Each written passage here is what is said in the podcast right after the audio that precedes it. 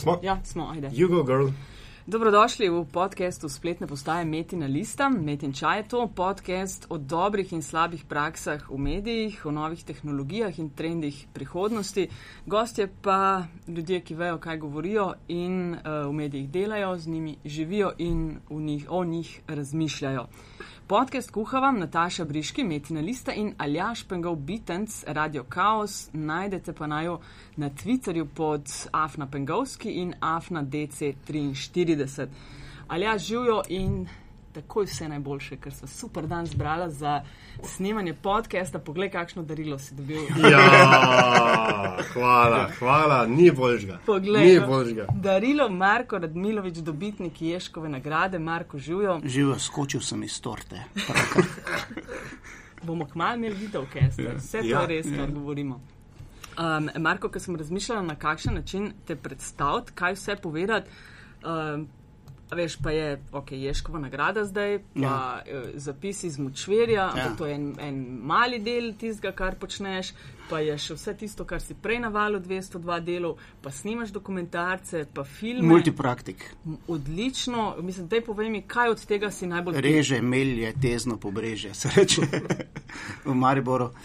Fu, najbolj sem očvirje. Najbolj sem očvirje in to ne zaradi nekih romantičnih zgibov ali česar koli, ampak zato, ker sem zdaj zadnje leto ugotavljam, da je to prišlo v DNK. Ne? Moji otroci bodo verjetno imeli del tega genskega zapisa oziroma ga imajo. Ne? Ker recimo, ko je avgust ali pa julij, pa ne pišem, ne, julija spolo, hvala Bogu, junija, samo da je čim prej konc. Uh, avgusta pa pol, ko je tista fizična odvisnost, ne, ko te začne komovci, ne gledaš, kak je tebi dnevnik, te komovci že trzaš, ne, dajmo nekaj napisati. Ne. Tako da sem se letos celo ujel, da sem, je bila neka strašna neumnost, da sem klical uh, urednico Vala 202, če bi lahko uh, prej začel, če bi lahko nekaj napisal. To je pa že odvisnost, mislim, ne? To, to je pa že čista odvisnost. Tako da najbolj, ne da sem ponosen, ali pa, ker je tudi muka, ampak najbolj je močvirje. No? Ja, veš, kako se to sliši, najbolj sem močverje. Ja, eh, je pa hecno, ne? eh, ker s tem močvirjem, oba poznamo Mijo, ki si je to. Ja. eh, Ki si je to A tudi to je bila ona zadaj? ja, Mija Škrabec Arbana, Ja, ja, Mija zadnjič sva imela Ja, prav proti nekaj Frekvenca X. Ja. Wow, sjajno. ja, ja. Mija je uh, en tak spiritum movens vseh teh podobnih oddaj, uh, ki jih je navalo 202 že kar neka tradicija. Uh, in ko je Stergo Ergo uh, razpadel na nek način, je pol ona seveda ustrajala, vse več merjam je šla v diplomacijo, Zorko je šel nesrečno umretne v Avstralijo najprej uh, in sem nekako stal sam in je ona ustrajala, da bi jaz to nadaljeval. In pol smo imeli Čakaj, zapisi smo čvere, ste v kakšni kombinaciji? Ne, Stergo Ergo. Ne, s Tergo skupaj Ergo delali. smo skupaj delali. In pol mislim, da je bila dve leti pauza, leto pa pol pauze, mi je skozi malo, daj ti sam, pa sem se rekel, ja, ne, ker se veš, ko s, mi smo se tam krasno dopolnjevali, ne, in ko si navajen nekega obdobja še dveh sodelavcev, je pol solo karijera, ne, to je tako, da ko, ko od BG-sov, ne, ko gre en solo pol, ne. Uh, še vedno je B, niso pa več G's, ne. Uh, in potem je Mija prišla, imel smo otvoritev hiše v Svečini celo in seveda je štiri dni držala in je bila, na en so ti valovci na pol omamljeni, smo skakali po nebrušenem parketu in skratka, žur je bil. In je Mija pol predlagala dvoje imen, eno je bilo motokultivator, se spomnim, eno je pa bilo zapisi iz močvirja. Ne. S tem, da moram pa povedati, kako ljubljano-centristično uh, mišljenje je v bistvu v Sloveniji. Ko rečeš zapisi iz močvirja, pa veš, ko so zdaj ta družabna omrežja, pa kdo kaj napiše ali kaj, vsi mislijo, da ima to kakršno koli veze z Ljubljano. Ne. Ker pač, če je močvirje, mora biti Ljubljana. Ne. In zdaj ta narava, ravno v tem 2014, je pokazala, da je lahko močvirje vsa Slovenija. Ne. Ravno to sem te hotel vprašati. Ne, Vprašaj. Zdaj sem, je, ne bom te, Ja, ker okej. si mi že odgovoril na, na vprašanje. Ampak a, a, človek z težkim štajerskim, ne skoraj mariborskim dialektom, nekaj Ja. bere zapise, eh, ki piše zapise Ja. ja. močvirja, Ja. tukaj voham za roto. Veš kaj, nekaj je, nekaj je na tem, ne? ker uh, ta Slovenija dve hitrosti, ne, o kateri, o kateri govorimo, ne, je v mojih tekstih pač zelo, zelo prisotna. Ne da bi, jaz imam to mesto blazno rad. Prišel sem sem leta 82, preživel 13-14 prečudovitih let tu, mesto se je medtem spremenilo, prebivalci so se spremenili, ampak Ljubljana meni ogromno pomeni, res še, še danes. Uh, ampak ko pa ravno če smo pri medijih, ko pa doživljaš Ljubljano skozi medijski fokus, tako sem jaz pač prisiljen, ker grem enkrat na teden sem, ne, uh, pa zadeva ni ravno simpatična, ne, ker je ta projekcija tega mesta ali pa, ali pa projekcije, ki jih to mesto uh, producira, so v bistvu skrivljene. Ne. In zarota je mogoče v tem, da sem jaz pa vseeno v teh svojih tekstih malo borec tudi za pokrajine izven velikega zidu, ne? se pravi za, za svet, ki leži uh, severno od uh, Domžal, pa, oziroma uh, od uh, Šiške, pa vzhodno od uh, Domžal in zahodno od Vrhnike in južno od Grosuplega. Ne? Tam je tudi en svet in so tudi ljudje. Uh, se pravi, izven tega zidu, ne, sicer je malo divjaško vse skupaj, ampak tudi ima naš pasoš nekako. Ne. No, ampak, ampak eh, koncept uh, močvirnosti, ne, centra blatnega dola, priznavaš? Ja, absolutno, seveda. seveda. A veš, kaj se mi zdi zelo lepo, ker sem brala zdaj par intervjujev, ki si jih ja, imel po tej ja. nagradi in to uh, skozi in non-stop ponavljaš in na nek način daš priznanje tudi tem ljudem, s katerimi si ti na tej poti, ne vem, rastu, se bogatil, ste skupaj delali oddaje. Ne? Recimo Stergo Ergo je bila ena fantastična oddaja. In uh, vedno omeniš Marko, ki je ja. res bil en tak ja. uh, fantastičen pisec. A seveda, da merjam med ustanoviteljicami, ena od ustanoviteljic Metine liste. Ja, seveda, seveda, seveda, absolutno. Uh, se, mislim, da sem ena, dva sestavka celo uh, dodal, mislim, da v Alme Karlince nekaj napisal enkrat. Ja, to je, uh, no, do tega še pridem. Ja, ja. ja, pa seveda sem vedel. Veš kaj je? Uh, jaz mislim, da danes, recimo, ko, pa zdaj nočem govoriti o tistem ameriškem, ne začneš nekje v vložišču, pa si sijal, ne tako Michael Douglas ali kdo že to, uh, Michael Fox to ja. je promoviral. Ne. Se prebiješ. Se prebiješ, les, ne, nočem v tem kontekstu govoriti, ampak. Ne pristajam pa niti na to, ko se mi zdi, da pred današnjo mladino je ta samozavest, ko prideš z nekega šole ali kaj, je, je sploh v družbeno-slovni sferi je pa neverjetna. Ne? Veš, z maternim mlekom pijejo uh, vse znanje tega sveta. Jaz moram reči, da je bila ta moja šola kar. Ne, uh, Dober tim ste bili. Trda. Ja, ampak govorim še pred tem, ko sem ja. jaz lahko karkoli avtorskega napisal. Je bila nagrada 12 kil, pa tisti trg tam, pa vsak dan ti je dal tisti radijski voditelj, ne? enkrat bolj bizarno, druga vprašanje, ne? ker je anketa pač morala biti. Vprašaj uh, ljudi, če so zadovoljni, ker je danes sonce ne? in pol tam stojiš, ko enkrat ten, ne? praviš, poslušajte, a vam je všeč, ker je danes sonce. Ja, ne? In pol priješ s desetimi minutami, ja, in moraš nekaj z tega narediti. Hočem ti reči, ta šola je bila hard, ne? Uh, Ampak in, moraš iti, ne? prav moraš iti čez te neke korake, da veš, o ja, čem govoriš po desetih, dvajsetih letih. Da veš, ali si za to ali nisi. Tudi Novinarstvo ima en zelo š, uh, ohlapen uh, oklep, katerem, da si lahko novinar. No? Če si ti zdravnik. Pa priješ prvi dan na faks, pa vidiš, da kri teče, pa skupaj padeš, pa tudi trikrat zaporjeno skupaj padeš, ne bo zdravnik, ne? ker je dosti možnosti, da se bo srečal s krvjo kot zdravnik. Uh, Nikoli ne pozabo, imel sem enega sošolca, s FSPN, smo bili v tretjem letniku, krasen fant, super, talentiran, vse, vse, vse. In s temi nagrami norimo okoli in ga srečam. Če pravi nagrami, kaj je to nagrada? Nagrada je 12-kilski novinarski magnetofon. Ja. To je um, orožje za masovno ubijanje. Ja, okay. ja. Ne, to, je, to so nam dali. Ne. In pravi, da ima mi dva iti na eno kavo, se v en bife in pravi, poslušaj, kaj sem jaz ugotovil.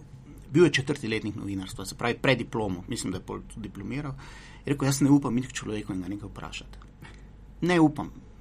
Veš, zdaj, mi, ko smo v medijih, je to uh, malo hecno, ampak vsak ne more biti tako komunikativen, ali pa, ali pa a si lahko akviziter, recimo, kar je, kar je, ne? a si pripravljen potrkati nekomu pa reči, poslušajte, imam pa super sesalec. Uh, in ta človek bi skoraj postal pravi novinar, pol je šel v drugo kariero, ga še srečam.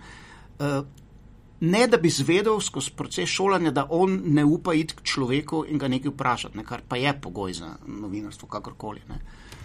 In uh, to se mi zdi, veš, da, da ta proces, ki te, ki te je v tem staromodnem novinarstvu, recimo okostenelem radija, pa, pa dela, verjetno pa to, ko si šel res čist, ne, uh, te je izoblikoval. No, in mene je izoblikoval, ni bilo heca. Ne, in jaz pač nisem, ko si prej ti lepo omenil, ne, uh, moj aj in oj so bili tako štajerski, da je pokojno ajdo kolansko odneslo skozi okno. Ne, In so mi tudi to omogočili, kar je za današnje radio, recimo, ne, tu, ko, ko si ti, v bistvu, one man band, ne mogoče, da si ti na radiju in da ne govoriš in da pišeš. Ne. To je. Veš, kaj je bila meni ena bolj hecnih stvari pa težko razumljivih, ko smo šli čez uh, faks. Čakaljaš, ti si mednarodni odnosi bil, ne? Ti nisi.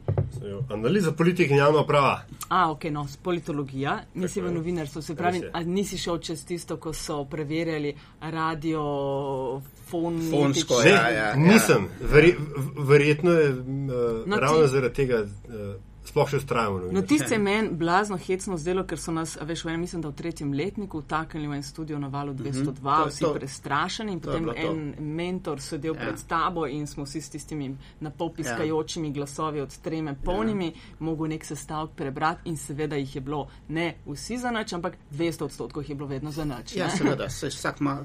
Pa še tisti sestavek je zagotovo vseboval besedo jezero. Ne? Ne? To je prvi trik, drugi pa sladoled, ne? ker vsi štarici so rekli sladoled, ne? pa jezero, ne? pa je bilo konc. Ne? Kaj pri tebi pa lajda je bilo? Eh... Jaz sem se prebil skozi to, dobil sem licenco, lahko bere svoje prispevke in pol sem šel v to šolo pri Aidi in sem tudi to nekako na tri četrt zmogo, ampak nobenega veselja nisem imel do tega, kot se reče, živo. Um, ni, nismo veseli in pol, pol je pa bilo eno blazno na ključje. Pisal sem parat, ne? Ne? že, že tako sem šel iz svečine, ne? ko so rekli doma, uh, pubec rad piše za novinara, naj bo, ne? ti boš pa lahko novinar, ker rad pišeš. Ne? Da je mene takrat uh, Marko ne? uh, vzel pod, dobesedno pod okrilje, ne? ker mi dva smo se rodila, oziroma on je prišel isti vasi smo živeli, v istem stanovanju, celo samo pač par generacij prej. Ne. Njegov oče je bil nadučitelj v svečini, moja mama je pa bila polučiteljica in ko so oni šli ven, smo mi šli v tisto stanovanje, oziroma mogoče še kdo bil vmes. Uh, in je pač s svojim statusom, ki ga je imel, ne, mi je omogočilo takrat takoj delo na dokumentarno-filtonskem uredništvu, ne, kar je v bistvu bilo, um, še danes to obstaja. In, je... in kar se tebe v bistvu še danes drži, ti delaš odlične dokumentarce. Prej ja. si omenil to Almo Karlin, ne bil si v bistvu v prvih 90-ih že, ki si jo uh, potegnil od nekje, ker noben za njo ni vedel. Ne? Ja, uh, teh sem kar nekaj naredil. Ne? Ampak spet ne zato, ker bi jaz bil tako uh, grozno pameten, ampak predvsem zato, ker uh, to, če mora se reče, uh, zgodovina vsakdana. Ne? Jaz sem šel tudi zgodovino študirati kasneje. Uh, je bilo pri nas, ali pa, ali pa kulturna zgodovina, je bilo medijsko pri nas izredno, izredno podhranjeno. Ne. Se veš, mi smo vedeli pač natančno, da je šel kak borec Šerčereve brigade po dnevih za vogaljne. Uh, nekaterih bistvenih stvari, recimo, pa, pa sploh nismo vedeli. In jaz sem pač mogoče bil srečen, da sem bil en prvih, ki je to pogrunto, da, da je to en, en fajn biznis lahko. Uh, Tako da, ja, ti dokumentarci in na radijski in televiziji, ki oba, oba medija pač nekako uh, pokrivam, hoče reči obvladam, pa se grizno v jezik. Ne. Pokrivam. Uh, to je zelo lepo delo. No? To je zelo mhm. lepo delo s tem, da tudi teh tem je končno, pa predvsem je, kar se televizijske produkcije piše, končno, uh, tiče končno denarja. Mm. Televizija pač stane in Jaz sem slišala za hudo zgodbo Jana Zagoca, kantata za Jana Zagoca. Ja. Naj povej, kdo je ta človek bil, ker je fantastičen. Uh, imamo časa toliko. Zelo na hitro. Vse bomo priložili, veš, priložimo tisti dokumentarc, ker je na voljo online, sem ga našla. Aha, ja. uh, radijski ali televizijski? televizijski? Televizijski, aha, super. Maja, mislim, ta zgodba, veš, par zgodb je, kot te v življenju fascinirajo. Prva, ki me fascinira, je bila ta z Almo. Karlin. Ta, to me je čist obrnilo in takrat me je tudi Jure Pervanje, moj velik prijatelj, ki je bil recimo Marko Zorko za video. uh, je takrat to pač uh, režijsko in tako speljal. In ta Alma me je čist obsedla. A, veš tisto okultno zadevo, sem ti povedal. Uh, Tisto, kar si napisal v tekstu? Ne, ne. ne. Alma je mene uh, res obsedla na nek način, ne, kot oseba in takrat res o njej ni bilo govora. Ne. Jaz sicer bedak, ker nisem znal pol to spromovirati, pol so to drugi ljudje lepo spromovirali in seveda na, na prvo pristopnike se ponovadi postavi. Ne. Čeprav je tisti kip, ki je zdaj v celju, ko gre mimo nje, ne, je, je kar del mojega dela tudi tistem. Ne. Ampak. Uh, Mis, malo se je lagala, bejba se je malo lagala. Uh, in je tam, jaz sem to zelo natančno raziskoval, in je ona rekla, da sem bila v Tibetu. Ne? Ampak, ko pa gledaš retrogradno, ni mogla biti v Tibetu, ne? ker vseeno, v ene 3-4 mesece rabila v Tibetu in tistem času je bila ona na japonskem. Tako da tisti Tibet je najverjetneje malo zmislila. Ne? In pol smo srečali pri produkciji tega filma eno uh, punco, ki se je ukvarjala malo s to ezoteriko, je bila v Tibetu, je bila pri Dalai Lami in to mi je rekla, veš kaj če imate vi kak predmet, jaz s tem viskom lahko vidim, ali je bila v Tibetu ali ne. Pač, tak, jaz sicer iskreno dvomim, se te zadeve, unem vrtela tisti visek. Bzz, bzz, bzz. In pravi, uh, ja, ne vem, to pa pravi, kdaj si ti rojen? Jaz pravim 14. januarja. Pravi, a veš, da je to isti dan, ko je Alma umrla. In pokopala se je to pravijo očevici, po vudu, običajih ali vudu, običajih, se pravi z, belo, z belim obrazom in to so tam na svetu. In ona je pokopana na svet in jaz sem rojen svečini itd. Da, na ključi ni. Na ključi ni. Ne. Druga zgodba je pa, pol, pa ta Janez Godec. To so res liki. Ne. To je bil en veseljak iz Trbovl. Verjetno zelo, zelo inteligenten fant, ki je iskal svojo pozornost, vse čas iz take družine.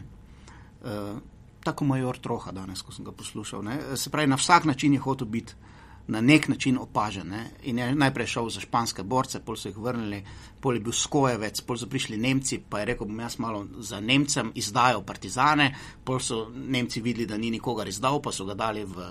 Mauthausen, rekel, pa so ga spustili, ko je bila Hitlerova pomilostitev, pa je pol partizani so ga hteli, pa je partizanom rekel, bom izdal kakega Nemca, itd. itd. Veš, ta čas, o katerem pač danes vsa država trpi, ni bil tako črno-bel, bil je tudi siv ne? in on je bil zastavo noša sivega, ta Janez Golec. Ampak, glavno što si pa to, da so ga zaprli na koncu v Mauthausen do konca, ki je pa imel podružnico v Zipfu to je pa danes znameniti piv, piv, pivci piva, poznajo to zadevo, Zipferbier. To je ena pivovarna tam, tradicionalna in v teh rovih, te tovarne so pa eh, naredili Nemci tovarno goriva za V2. V2 je kaj? Raketa. Hvala. Ki so streljali na London. Ne? Tri take tovarne so bile. Kako sta biti... tako oba dva vedela, V2? Ja. Ja, to so pa fantke, veš. Ja, super. Obstaja tudi V1. Ja nikoli pa ni bilo V3, oziroma V3 je pa že bila na Luni. No, in ta tip, da skrajšam, je. Uh, Tako je bilo, Werner von Braun je to delal. Ja, ne, ja, ne, ne, super. Ta, ta tip je to fabriko razstrelil. Uh, zelo ogromno zgodb, jaz sem vse te preživele, našel vse to. Skratka, naredil je sabotažo, spustil fabriko v luft, rakete niso mogle leteti in rešil je s, s tem, je dal možnost, ker teh raketnih napadov ni bilo več toliko, da so zbombardirali Pönemünde, to je izstrelišče teh raket, angleži. Še enkrat, prosim, reči. Pönemünde, ker jaz živim uh, kilometr od meje in moja nepščina je perfektna. Uh, in je kupil toliko časa. No, to je zelo velika in zelo zamočana zgodba. No. Uh, to je pa slišala, za to zgodbo je pa slišala ena amaterska glasbenica v Cambridgeu. Ne, tam imajo še vedno, mi imamo amaterski glasbeniki pri nas pač. Delajo, tam pa imajo tudi amaterske glasbenike, ki imajo simfonične orkestre, ki so bolj amaterski. Ne. In ona je amaterska glasbenica in amaterska skladateljica, tudi ne, kompozitorka. Ne. In je naredila kantato od ta, ja, tako jo je prevzela ta zgodba, tega junaštva, Janeza so seveda polobesli, ubili in vse to. Uh, jaz sem našel pol tudi enega, ki je bil takrat v Francijo, sem se peljal na Atlantsko balo, enega izmed zapornikov, ki je zdaj zobozornik, takrat je pa delal v uh, zdravstveni, v tem taborišču in tudi poznal. Pri nas je bil pa pozabljen zato, ker so rekli, da je izdajalec, kar je bil. Ampak življenje je pa končal na neki junaški način. Ne? Uh, Če bi zdaj iz njega delal holivudski film, bi se on na koncu bi bila odrežitev. Ne? seveda, ampak to je holivudski film narejen. Ja. Ta, ta scenarij je tisočkrat boljši kot vsi partizanski filmi skupaj, razen sudjeske. Um, ampak seveda, ne, to še danes ne moreš pokazati, pač, da, človek, da je človeka lahko tudi kdaj pa kdaj strah. Ne. To je verjetno za slovensko scenaristiko preveč. Ne. Uh, da bi se nekdo ukvarjal s tem, da, da pride v življenju v situacijo, ko reče, zato da obvaruje svoje življenje, ko reče Nemcem, veste kaj, vam bom izdal kakega partizana, pa polko ga partizani ujame, reče, veš kaj, ti mi izdal kakega Nemca. Ne? Pač, ja, še v tej situaciji nisem bil, ampak uh, ker izhaja malo iz družine, na Štajarskem temu rečejo krompir vahterji, ne? to so skrivači, ne? tisti pač, ki niso hteli iti ne k partizanom, ne k Nemcem, ne in so šli v klet tam, ko je bil krompir, ko je kdo prišel, ne? čuvari krompira. Ne? Vse temu reklo. Evo. No. Ampak. Ja. Lepe zgodbe. Ne, jaz le že vidim, veš, lahko bi slovo rekel, ne, da bi bil trojni krt, ne, veš, najprej je del. Ja. ja, ne, Ja, hujši kot vsa, vsak ta lekarjev, Ja, ne, ne. vohun, ki je prišel iz megle. Ne. Nazaj k zapisom iz močmirja. Ja. Vedno me je fasciniralo, glede na pač, uh, morda ravno zaradi uh, naglasa, mi grede sem Ja. velik oboževalec naglasov in mislim, Ja. ja. da bi morali biti v nacionalnih medijih prisotni. ne. Um, tak pač, Ja. disclaimer zdaj. Skratka, zakaj ne bereš ti svojih lastnih kolumn? Uh, jaz sem poskušal, ampak jaz sem trdno prepričan, da če jih prebere uh, šolan glas, da lahko iz teksta potegne več, kot bi jaz bil sposoben. Enostavno, mi smo tako zverzirani, predvsem Ivan Lotrič in Jure Franko, recimo, ki sta za mene pač je, je to na robu genialnosti. ne. Uh, smo tako zverzirani, da jaz recimo vrinjeni stavki, pa nekaj pomeni, preneseni pomeni. pa To, jaz tega ne bi znal prebrati. Jaz znam to napisati, prebrati pa ne bi znal. Enostavno ne bi znal, nimam tega treninga. ne. Uh, ti fanti pa točno vejo in s to interpretacijo nadgre, nadgradijo ne, tekst. Jaz sem prepričan, da ga, če bi ga jaz sam prebral, bi bilo bolj avtentično. Ne, uh, ne vem, uh, dobil bi ježka deset let prej, mogoče. Ne, uh, pa uh, kdaj bi se lahko zastoj napil v kakšni gostilni. Ne, uh, ampak zgodbe kot take bi pa bile absolutno slabše. In v glavnem z njima, sorry, v glavnem z njima, ne? Sta ona dva- Izključno z njima. Izključno z njima. Ja, dolga leta je Ivan bral, pol je pa postal malo šef, pa je rekel, da ne bi rad, da bi drugi avtori na radiju, da bi imel vrtiček, pač, no, da bi ga obravnavali kot, kot da je to za neki. neki Tak, pol je pa Jure Franko, ki je tudi izvrsten. Pa kdaj je Matjaš um, Romih tudi prebere. No?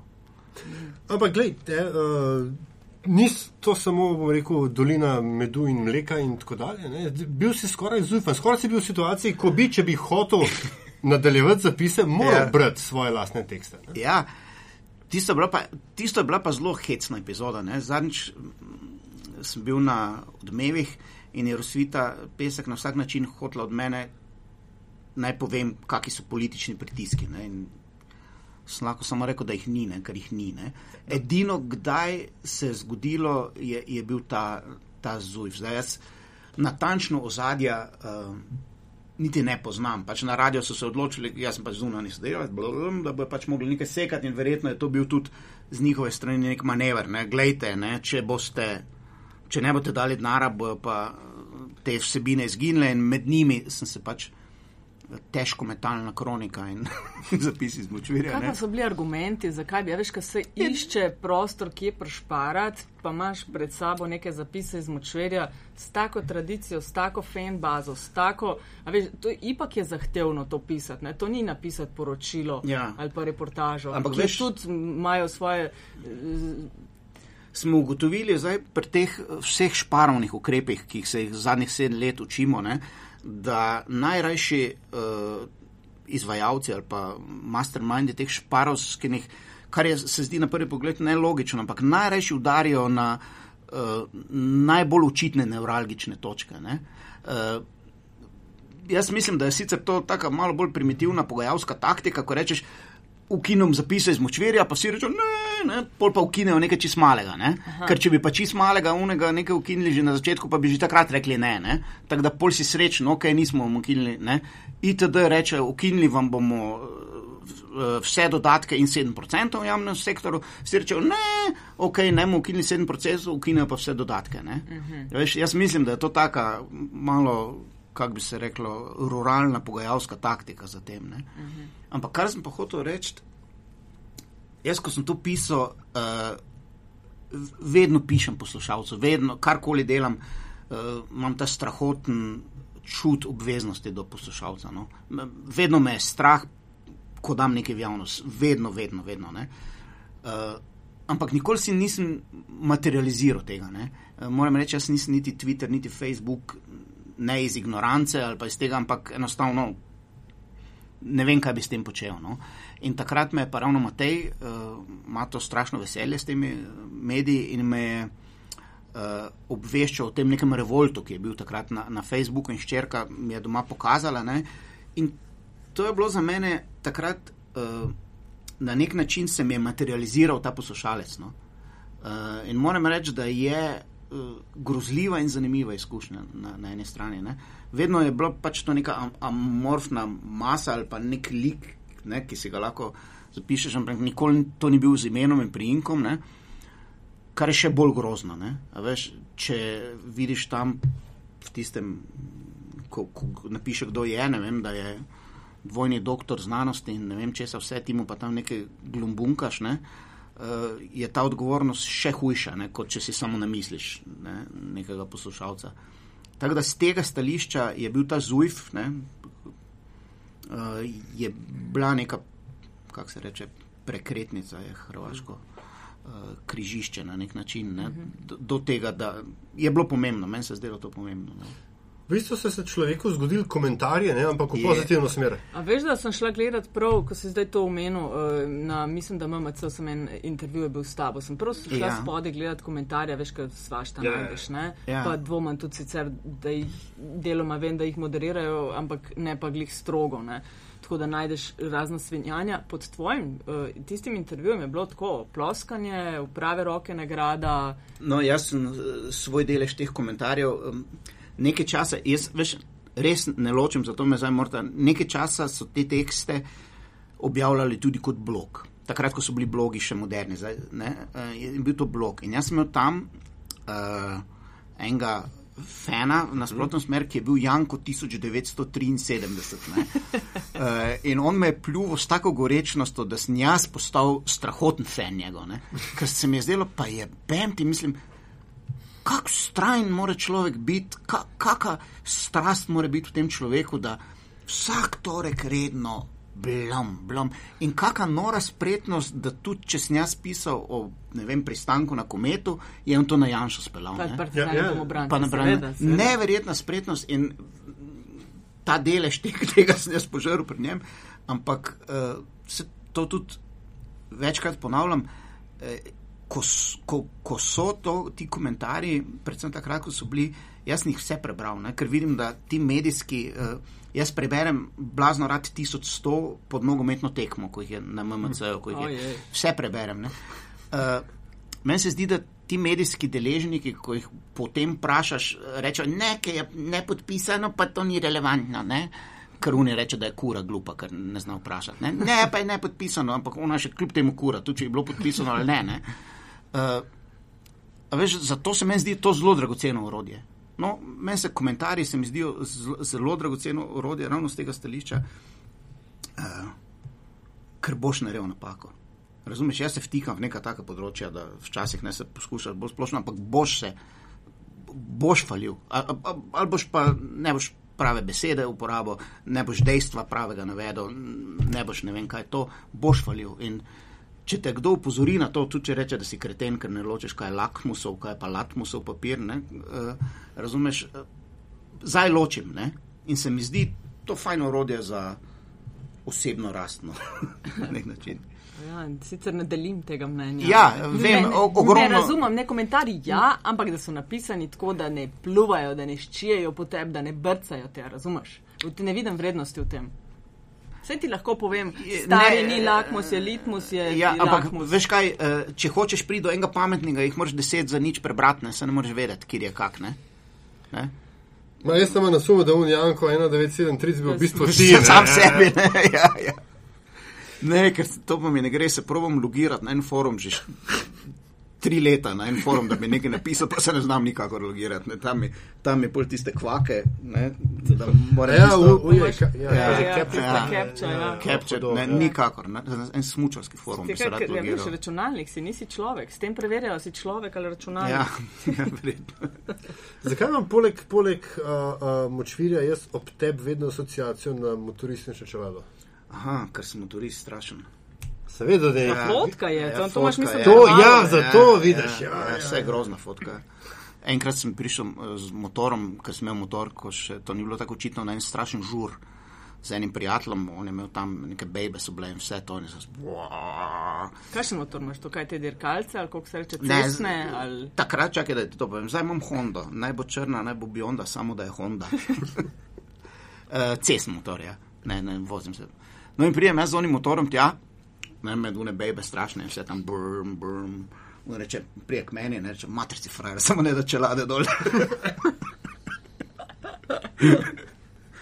ja, z motori se rad vozim, to je, to je, uh, to je sicer tako fucno, da mi je slabo to izgovoriti, ne, ampak uh, je to ena zadnjih bližnjic do popolne svobode. No?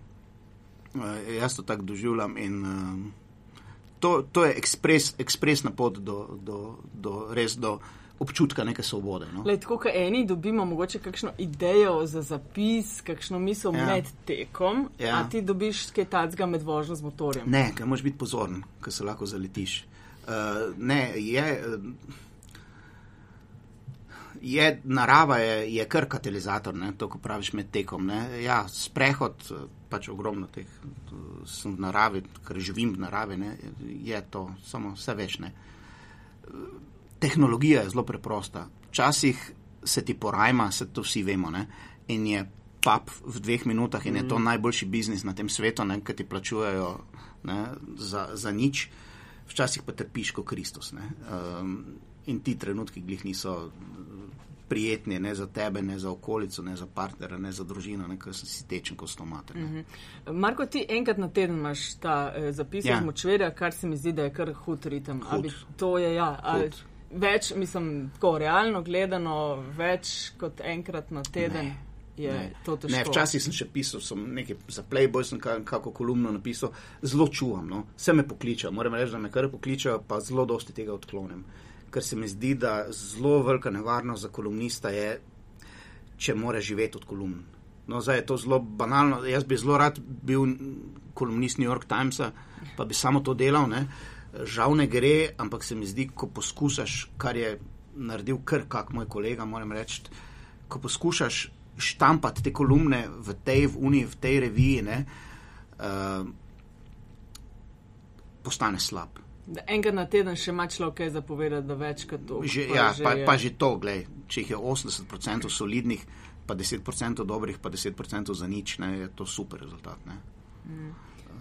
Ti se v teh zapisih se veliko s politiko ukvarjaš. Um, a dobivaš kakšne odzive okay, od ljudi tega Jan, Janko 2000? Uh, ali Ena 1900? 973. Ja, 1900. Jaz sem se tako, takoj sem se zapomnil. Ja, jaz mislim, da je to rojsten datum bil tega človeka. Ja, ja, tak ja. so si- tak Ja, Da si- je lažje zapomnil, Ja, tako da zdaj, če bi bil maščevalen, bi šel v vse knjige rojstev, pa vse Janko, to je iz 1973, pol bi jih pa nalomil. Tako, politiki se ti, ker znaš, Ne. da veš pičati, nisi, nimaš nobenega odziva od njih. Ne, ne, to me je žal, a je to čudno, a bi Ne, mogel, ne. a bi mogel, mislim. Pa ima eh, svašta je. Če bi bil na družbenih omrežjih, verjetno bi kaj skakal. A misliš, da. Ma ne, meni se ta fama v političnih pritiskih svi. Ja, evo, se strinjam, sto procentno. Meni, a veš, meni se zdi to tako, kot pristan izven za malce. Ne? Vsi Ja. govorijo, da obstaja, pa da se dogaja, samo nobeno se to neposredno ni zgodilo. Ne bi se mogel strinjati bolj s tem, ko- kot to. Veš kaj, jaz tudi, če si poskušal zadnjič, ko sem se pol domov pelal od odmevo, ko me je Rosvita to vprašala, sem si mislil, pa zdaj si ti en politik, ne? nek pač dovolj visoko in dvigneš telefon in pokličeš enega tipa in rečeš, poslušaj Joža, ne? kaj si pa ti pisal, ne? ali pa poslušate, gospod Radmilovič, kaj ste si pa vi drznili. Mislim, ne morem si predstavljati, pa veš, da so nekateri med temi fanti so resni tepci, uh, ampak si ne morem predstavljati, da, bi, da je pa kdo tak tepec, da bi kaj takega naredil. No? To si pa. Jaz verjamem, da recimo pa še to so po moje, ne, mi dva bomo na življenje ne bo neslo nekam sem, pa tja, ti boš postal en stranki, ne, jaz pa bom tu nekje v nekem mediju, nek urednik, pa tenis skup špilam, ne, pa pol tenis v papiro, rečeš, poslušaj, tam pa imaš ti enega tipa, ne, on je pa bolj tak, ne, to še nekako razumem, da bi pa. Mislim, tudi, veš, tudi definicija političnega pritiska, recimo, taka zgodba, ki je jaz zelo iskal, se razlagam, leta nazaj, danes sem še županja napišemo en tekst, Danica za predsednico LDS, ker kaj se je zgodilo, stranke je že razpadala yeah. ja. preživljenim telesom, ampak ona je takrat nekaj naredila in sta obe frakciji v mestu znoreli in glasovali skupaj. Yeah. In pač eh, teza je bila, ne, če kdo lahko združi LDS nazaj, to je Danica. Peter, eh, pokojni Petr Božič stvar prebere, samo naslov. Znori telefon in pač pa je treba slušalka malo na meter držati, ker je on malo pil, da si predstavljamo, da Danica nikoli ne bo predsednica, gordol. Ne. No, ampak zdaj Peter Božič mogoče ni ne, ampak, pravi politični pritisk. Hočem, hočem reči, to, veš, to seveda ni bil politični pritisk. Ja. Bila je pa pač ja. nekdo, ki je pač, hvala ni, Bogu, kupo provokacijo. Ne? Ne, nisem niti tako zelo mislila, ja. da je v pritisku, da bi drugače ali pa vem, spremenil način pisanja. Ampak tako, da je sploh. Mi dva okay. smo se z Markom o tem enkrat pogovarjali. Ne? Marko je to malo ljudi ve, pisal, mislim, da eno leto, vse so to zdaj izdali v Gerta. komunistu. Cooper, ja, v komunistu. Ja. In jaz sem takrat približno tudi nekako začel malo s temi stvarmi se ukvarjati. Ne. 89 let, komunistu pišeš, pa lahko napišeš vse. Ne. Kaj še lepo, ko, ko menjamo sistem, vse bi bilo, uh, vse bi bilo v bistvu grozljivo na nek način. Mislim, ne morem si predstavljati tega, res ne. No. Uh, sem pa doživel večkrat to pa, ko sem s kakim takim tem politikom, to težko rečem, uh, fantom govoril, da so pa izredno dobro informirani. To pa so. Uh, se pravi, da imajo pa medije naštudirane. Zdaj, jaz mislim, da so to čisto legalne neke agencije, ki te klipinge delajo in pač oni to preberejo. Ne vidim nič s tem spornega, ampak hočem reči, ukvarjajo se zagotovo z mediji, to zadevno, da vejo, kaj se tam govori, kaj mi govorimo, kaj, kaj mislimo. Ne. To pa mislim, da pa vseeno bi pa bil čisti prestop Rubikona, ne, da bi nekdo dvignil slušalko in, in te tam postrojavo. No. Uh -huh. V teh intervjujih sem videl, da, imaš, uh, da se ti beseda satira. Ne zdi najbolj primerna. Satira se mi upira. Satira se ti, ja. Zakaj, ta, ta Ješkova nagrada je bila za tvoje delo, ki nekako je v tej smeri. Se, kako ti to razumeš? Zakaj se ti beseda satira upira? Ker pol si satirik, ne? Veš, to je pa že neko poslanstvo, ne? to, je pa že, to je pa že neki label, ki ga imaš. Ne? Jaz si ne želim biti slovenski satirik, niti slučajno. Ne? In uh, tako smo ta krok ljudi, ki, recimo, vem, ki se štekamo. Ne? Če gremo v gostilno, pa se pogovarjamo, ne? je to čista satira.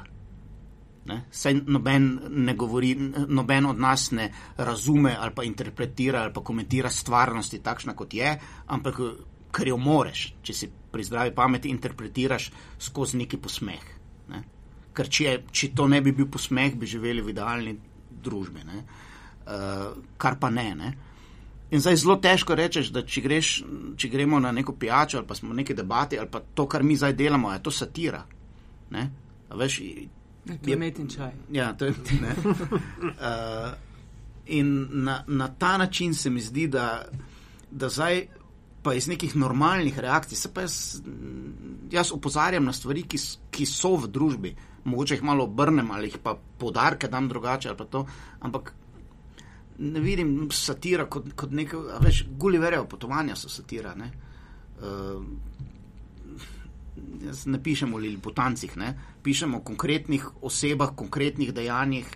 Uh, Ne fabriciram dogodkov na, na nek način. To me malo spominja na tisti čas, ali jaš, uh, mislim, čas je še vedno. Veš, v Ameriki je poplava teh uh, raznih oddaj, John Oliver, ja, ja, ja. Colbert Report, pa ja. John Stewart. -hmm. veš, Pogledam, ko so ja. v ja. enem trenutku postali boljši infovir ja. kot. Uh, ja kakor resne informativne oddaje. Ne?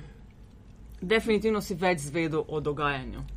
Ja, glej, Ti, tvo, tvoje te zapisi z močverja na nek način odpirajo te druge stvari, ki jih sicer v medijih, v tistem stampedu novic, ne najdeš.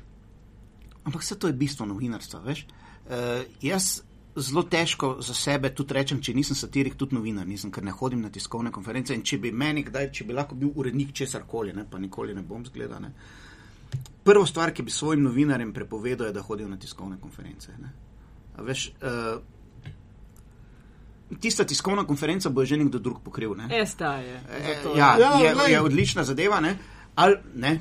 Ali pa bi rekel dvema, ne gre, ali pa naj ne hodijo na vse tiskovne Ali pa naj konference. prenašajo Ker to tiskovna konferenca je absolutno, veš, ti ljudje, ki to pripravljajo, so absolutno su- boljši plačani kot novinari, večkrat so tudi pametnejši, bolje izobraženi, itd. itd. In ti tam informacijo že ne dobiš več pri viru. Ne? Tam je že interpretacija neke informacije.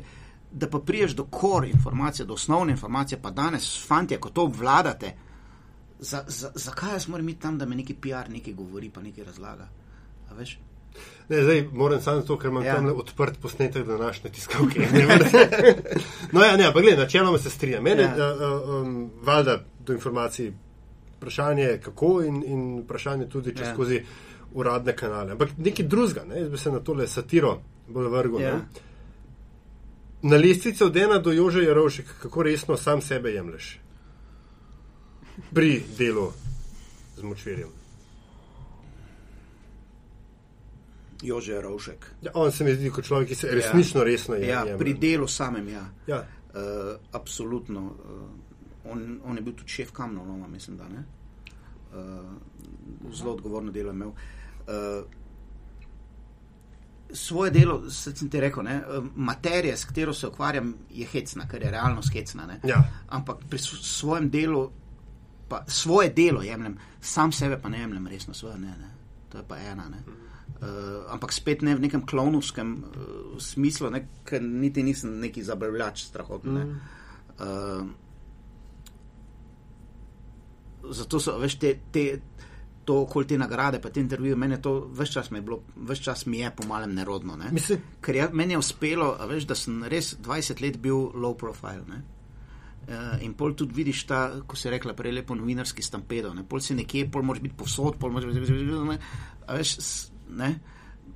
Zelo sem se izogibal tega, no? ker se mi zdi, da kaj pa vem. Ne? Vse zanimivo, kaj sem imel zapovedati, sem povedal v 20 letih močvirja. Ne? Um, več se mi pa ne zdi potrebno. Ne? ker tudi, ker tudi ježka, ne, veš, jemljajo.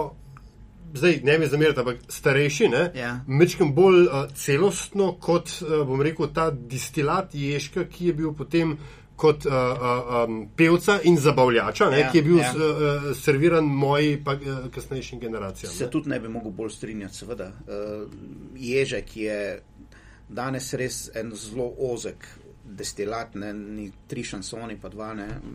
Jaz, recimo, ne vem, kot scenarist tudi ne. Uh, sem strašen fan prvega kekca. Ne. In jaz imam v, nekje v predaljih uh, filmskega centra ali sklada, karkoli že to je moj tekst Kekec 4, ne, za katerega mislim, da je res dober tekst. Ne. Pa je, res, pa je bil obravnavan in je že dobil par razvoja in vsega tega, ampak pač do produkcije ne pride. Ne. In takrat, ko sem se na to pripravljal, sem se vprašal zelo preprosto vprašanje, kako je mogoče, da en obskuren črno-beli film z leta 54 nažge vse sodobne holivudske produkcije, kar se tiče uh, impakta pri otrocih, ne ker otroci ješka, kekca ena še vedno gleda, ko utrgani. Ne. In sem šel tudi v kekčevo deželo, pa sem šel na kekčevo domačijo, pa sem si kekca sem si nažgal v žilo, koliko je šlo. In sem prišel pol, res sem si raz, v scenarij njegov sem si raz, uh, zanaliziral, na prav faktore sem ga razbil, prej ko sem svojega začel pisati. In sem gotovil eno zelo preprosto stvar. Uh, Ježkov svet je izjemno enostaven svet. Uh, in če se lahko moje delo zelo skromno ga pridjam njegovemu, uh, je mogoče to ta princip uh, poenostavljanja, tudi ki ga, ki ga jaz uporabljam, ne, simplifikacije na nek način. Ne. Uh, Ježkovem svetu, v Kekcu ena, so ljudje dobri ali pa so slabi. Ne? In to je princip če smo prej o Godcu govorili, ne, ki je otroku blizu. Ne. Nesocializiran otrok ne bo zaznal sivin, pa v mestnih. Pa uh, bedanec bi lahko bil dober, če bi pehta mu mogoče dovolila, da bi ne, uh, šla infragaranti, ne, in ker se to ni zgodilo. Veš, ni tega, ne, ko je Hollywood. Slabi, dobri. Ne. In to se mi zdi ješkova genialnost, no, da je svet razdelil pa zelo, zelo lušne podtone, no, na tiste neke, neke v njegovih. Uh, ko so se oni sicer po zadržnih domovih režali, ne, resnica za tem je pa bila grenka. Ne. Kaj gledaš ali pa bereš za zabavo? Uh. Za zabavo tako, ne, na rekovajih. Strašen fan sem bil uh, trivialne literature. Njega dni, dokler sem se še z vlakom zelo dozvozil, uh, ninja. Kavbojskih teh zadev, strašen fan sem bil tega. Najprej sem prebral vse te Heideggerje, pa Kante, pa Hegle, kar, kar je bilo, pol pa ninja. Uh, to me je grozno, grozno privlačilo. Um, in tudi tem cel večercu, ki sem ga posnel v Ganglu, je ena zgodba, je Kung Fu, je Kung Fu zgodba. Uh, ravno zaradi tega spet, ker se mi zdi svet, ki ga rišejo, uh, banalen, ampak ne na vse zadnje. Svet takšen tudi je. Uh, ta estetski princip uh, trivije mi, mi, je, mi je bil, če govorim o čist estetskem principu, mi je bil zelo, zelo blizu. Ne, uh, ne moreš napisati česa tako trivialnega, kar v življenju že ne bi bilo. No. Ne, če parafraziram Dekarta malo. Ne. Uh, tako da to me je zelo privlačilo in sem bil čist zmešan, ampak pol so nekako nehali to pisati, prevajati. Ne vem, to so, to so te od pop, te pop kulture. Uh, najbližje, kar sem zdaj našel, ampak sem tudi malo obupo, je bil ta Martin, uh, igra prestolov, to sem tudi s strašnim veseljem bral. to je tudi trivija, čista. Uh, Tako da bolje trivialno, rajši imam nekak te uh, New Age-ovske, te, te, te literature, ki prihaja ven, pa ne vem, parfumi, pa. pa, pa postmodernizem, pa to mi nekako ne gre, no, najbolj od rok. Klasika, ja, klasika, ja, pol pa kakšna trivija. Vse, Zvečer pa The Chronics. A to še, Marko, to je bend, ne The Chronics. The Chronics je bend iz leta 80, ustanovljen, s tem, da zdaj smo, zdaj mislim, da smo najmodernejši slovenski bend. Ker zdaj smo res postmoderni bend, ker bistvo benda je, da igra, ne. Mi pa imamo bend, ki deluje s tako bend, vsi imamo inštrumente, se sestavljamo, to samo špilamo. Ne, ne. Tak, to se mi zdi višji. Super smo, super. Enkrat na leto, mogoče igramo dvakrat na leto. Pa dobro zvenimo, ful dobro zvenimo. Ampak samo ne igramo, ker to vsi delajo. Ne. Seveda, moraš se ločiti. Ja, ja. V bistvu ste hipster. Ne? Na nek način, ja. ja. Na nek način. Mislim, za, za nekoga, ki ga ni na družbenih omrežjih, se mi zdi zelo uflovo s temi modernimi. Če si ufurano vse novo. Mogoče sem pa trendsetter. ja, vidiš. Trendsetter. Ježek je bil po nekem čudnem naključju tudi direktor televizije. Ja, mislim, da tri mesece. Ja. Ja, to je znamenita anekdota, ja, poznaš. Uh, ko pride, ved, ko pride po stopnicah, ježek kot direktor televizije in tam ena stara ženica, ker to se konstantno motijo, ker so mogli, če je zamudila in kasanta je mogla biti plačati, RTV je mogla plačati, pač prid, in so vedno hodili na glavni vhod na inkasansko službo. In je ona, Ježek prije po štengah in edini, ki ga poznala, je bil seveda Ježek in je rekla, gospod Ježek, kaj pa vi mislite, fascinirana je bila nad bajto, koliko ljudi tu dela. Pa on pravi, upam, da vse polovica. je taka Ježkova. Skaj, a boš ti tudi kot multipraktik? Ne, ne, ne, ne, ne gre mi, uh, uh, kako se temu reče, vožnja skozi sistem mi ne gre, bo kaj dobro. Uh, nisem, pa jaz mislim, da bi bil dober voditelj, ker sem uh, edini urednik, sem urednik občinskega glasila Zgornja Kungota. Ker meni se zdi, zdaj to resno, uh, to je zelo dober časopis. Zelo tak, mislim, da je recimo uh, takega vodi Mandrač ki ga vodi tale fant uh, iz Izole, tudi pesnik, tudi ima bend, no kaj že.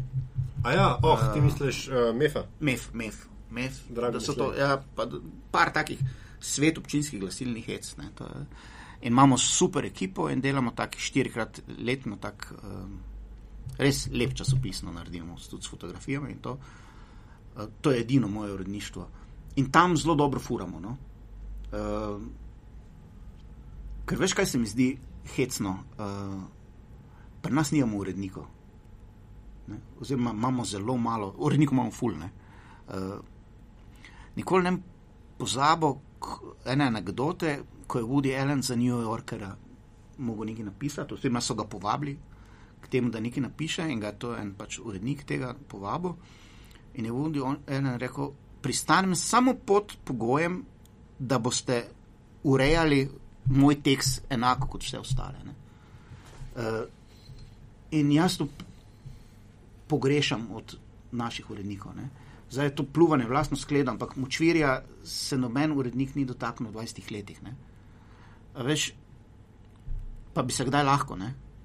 Uh, in tega uredniškega dela pri nas ni. Ne? In, veš, pri nas pač, ko se enkrat, uh, ko imaš reference, ne rabiš licence. Veš, enkrat si novinar, enkrat ti dajo dostop v javnost in pol imaš to dosmrtni mandat. Ne?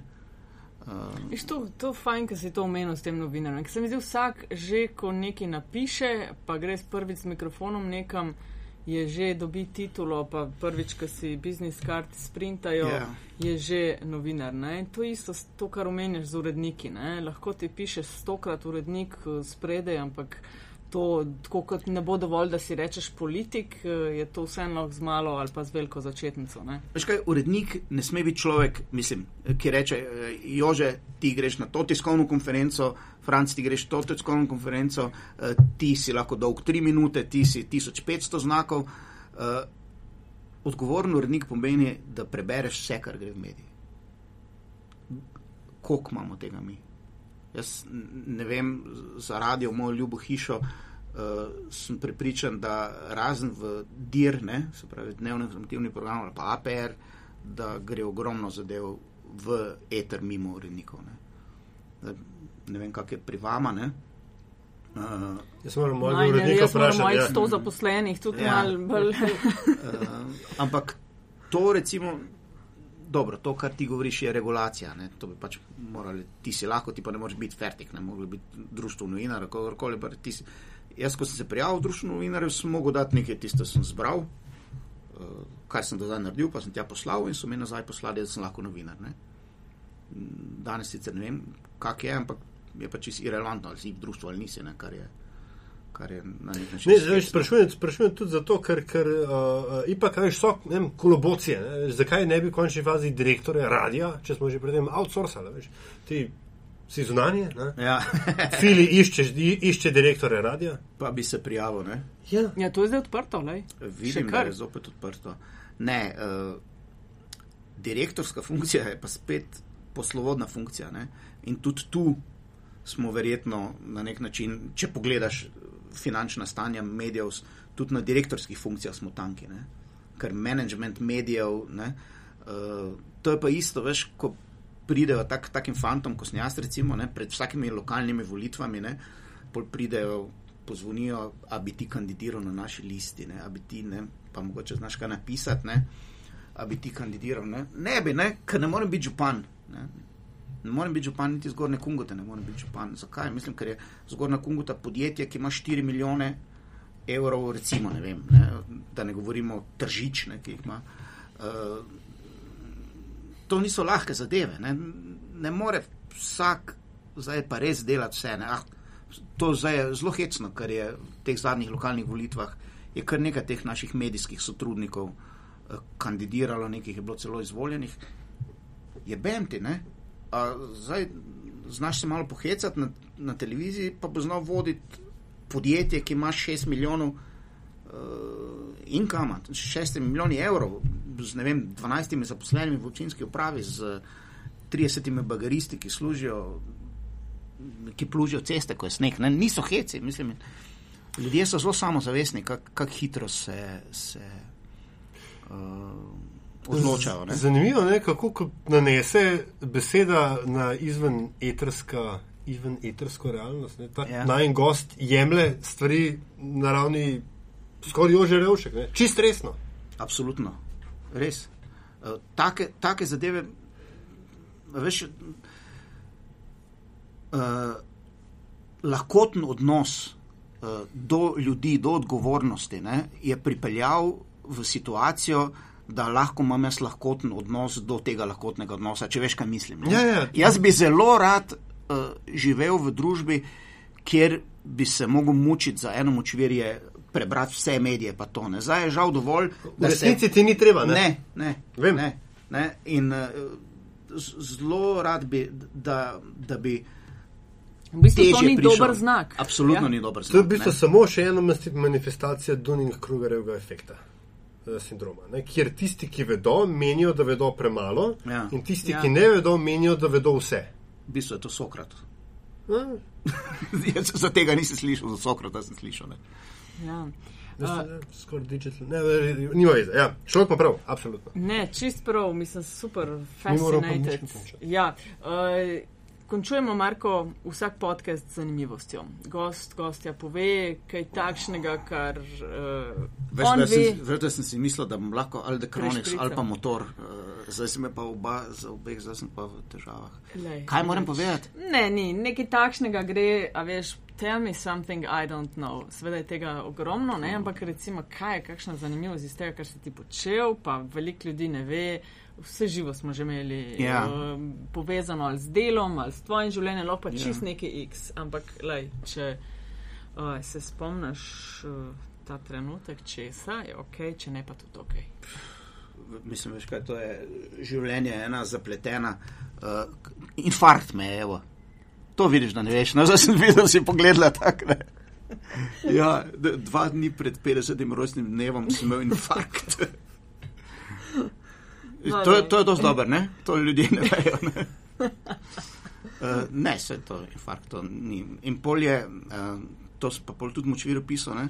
ker moj infarkt, ki sem ga v Mariboru imel, ne, je bil ful cenejši kot Ljubljanski, ne? ker so oni zdravnik, ki mi je tam po žilah ril, ne, je dosti slabše plačen bil. Ne? Ampak na srečo so pol začeli štrajkati čez 14 dni, ne? ker če bi pa po 14 dneh. Ja, s kolesom sem se pelal, ne?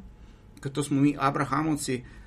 Uh, moj um ne, je seveda sorazmerno mlad, ne, jaz se počutim umsko 20 let starega, moje celice so pa stare 50 let. Ne, in sem jaz strašno športal, ne, da bom ja fit za prihajajočo praznovanje Abrahama in me infarkt. Ne. Uh, in pol so oni zdravniki pač tam režijo. "A, Sem rekel, pa tako zdravo živim, ne kadim, ne pijem, športam. Ok, Marko, uh, lej. Ta z infarktom je vredno, ne? Ti imaš še kjer, da Sploh ne ve- ja, Jaz pa zdaj- ne je primerno, da rečem, da očitno ni bilo hujšega. Marko, hvala, ker si bil naj gost. Ja. Čestitamo za nagrado. Prosim. In se, jaz se zelo veselim vseh naslednjih močverij in vsega, kar uh, boš še počel v svojem življenju. Jaz se jih veselim malo manj, ampak kaj čemo. Spoštovani in spoštovane, če ste uživali in more biti kaj novega izvedeli o poslušanju podcasta Met in Čaj, uh, hvala za vaše tvite, všečke, downloade in šere, komentarje in predloge. In dobrodošli na Facebooku, na Twitterju, preko e-maila infoafna metinalista.si. Tebe se ne da nikjer, Marko, dobiti na teh ne, kanalih. ne, ne, ne. ne. Uh, no, če pa želite ustvarjanje podcasta in ostalih vsebin na metini listi finančno podpreti, pa to lahko storite na povezavi priloženi na spletni strani. Prisegamo, da z vašimi investicijami ne bomo financirali pornografskih kanalov, ne bomo se šli tajkunskega odkupa metine liste in tudi ne razmišljamo o prevzemu Pop TV-ja. Hvala lepa. Čau. Pop TV bi lahko prišel. to bi mogla razmišljati.